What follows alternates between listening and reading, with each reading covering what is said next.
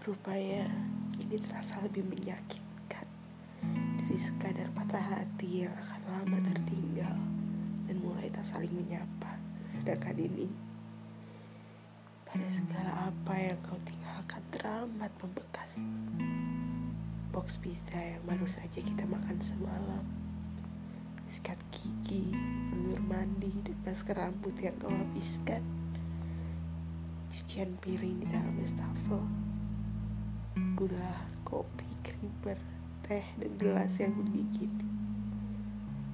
Deretan kursi yang selalu kita duduki. Tumpukan cucian kotor, jemuran yang kosong, bajumu yang bergantungan. Dan pada kenyataan,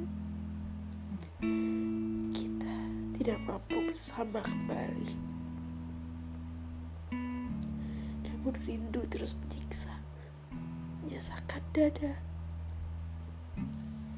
Kita terus saling berjuang untuk bersama, meski di atas bumi Indonesia ini tidak ada tempat yang benar-benar disediakan untuk kita.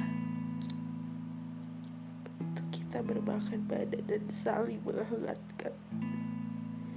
Dan pada akhirnya, kita hanya perlu bersabar meminta pada sang waktu untuk segera bergulir, mengantarkan kita pada kebersamaan.